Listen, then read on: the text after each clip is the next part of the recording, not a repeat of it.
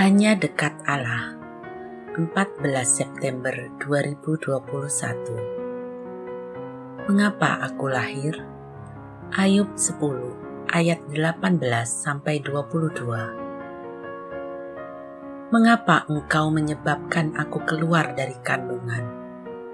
Lebih baik aku binasa sebelum orang melihat aku. Maka aku seolah-olah tidak pernah ada dari kandungan ibu, aku langsung dibawa ke kubur.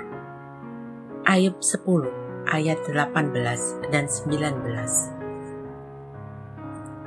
Dalam kebingungan, sekaligus kekecewaan menanggung semua penderitaannya, Ayub mewakili banyak orang mempertanyakan eksistensi dirinya. Mengapa aku lahir? Berkait kelahiran, Tentu saja, tak ada seorang pun yang pernah meminta untuk dilahirkan dari dunia.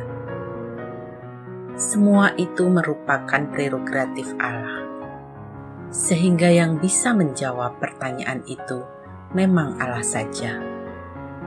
Ya, mengapa kita lahir di dunia?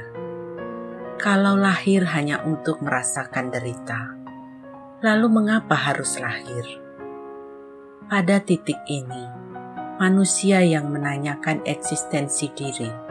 Sejatinya sedang menanyakan pula eksistensi Allah, Sang Pencipta. Konsep bahwa Allah itu Maha Kasih sering membuat manusia mempertanyakan kasihnya, dan kasih Allah sering diukur bukan dalam ukuran Allah, tetapi dalam ukuran manusia dan ukuran manusia itu. Jika kita baik, maka kita akan menerima kebaikan. Jika kita jahat, maka kita akan dijahati orang lain. Sehingga ketika kita baik, namun menerima hal yang buruk, dianggap sebagai suatu kesalahan. Ketika Allah membiarkan hal itu terjadi, Allah dianggap telah bertindak tidak adil dan menerima ketidakadilan dari Allah yang dipahami sebagai maha adil, menjadikan manusia frustrasi.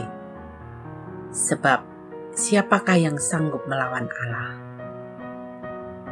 Dan karena itulah, kepada para sahabatnya, Ayub berkata dalam ayat 20 Alkitab Bahasa Indonesia masa kini, Ah, tak lama lagi aku akan mati. Maka biarkanlah aku sendiri, agar dapat aku menikmati masaku yang masih sisa ini.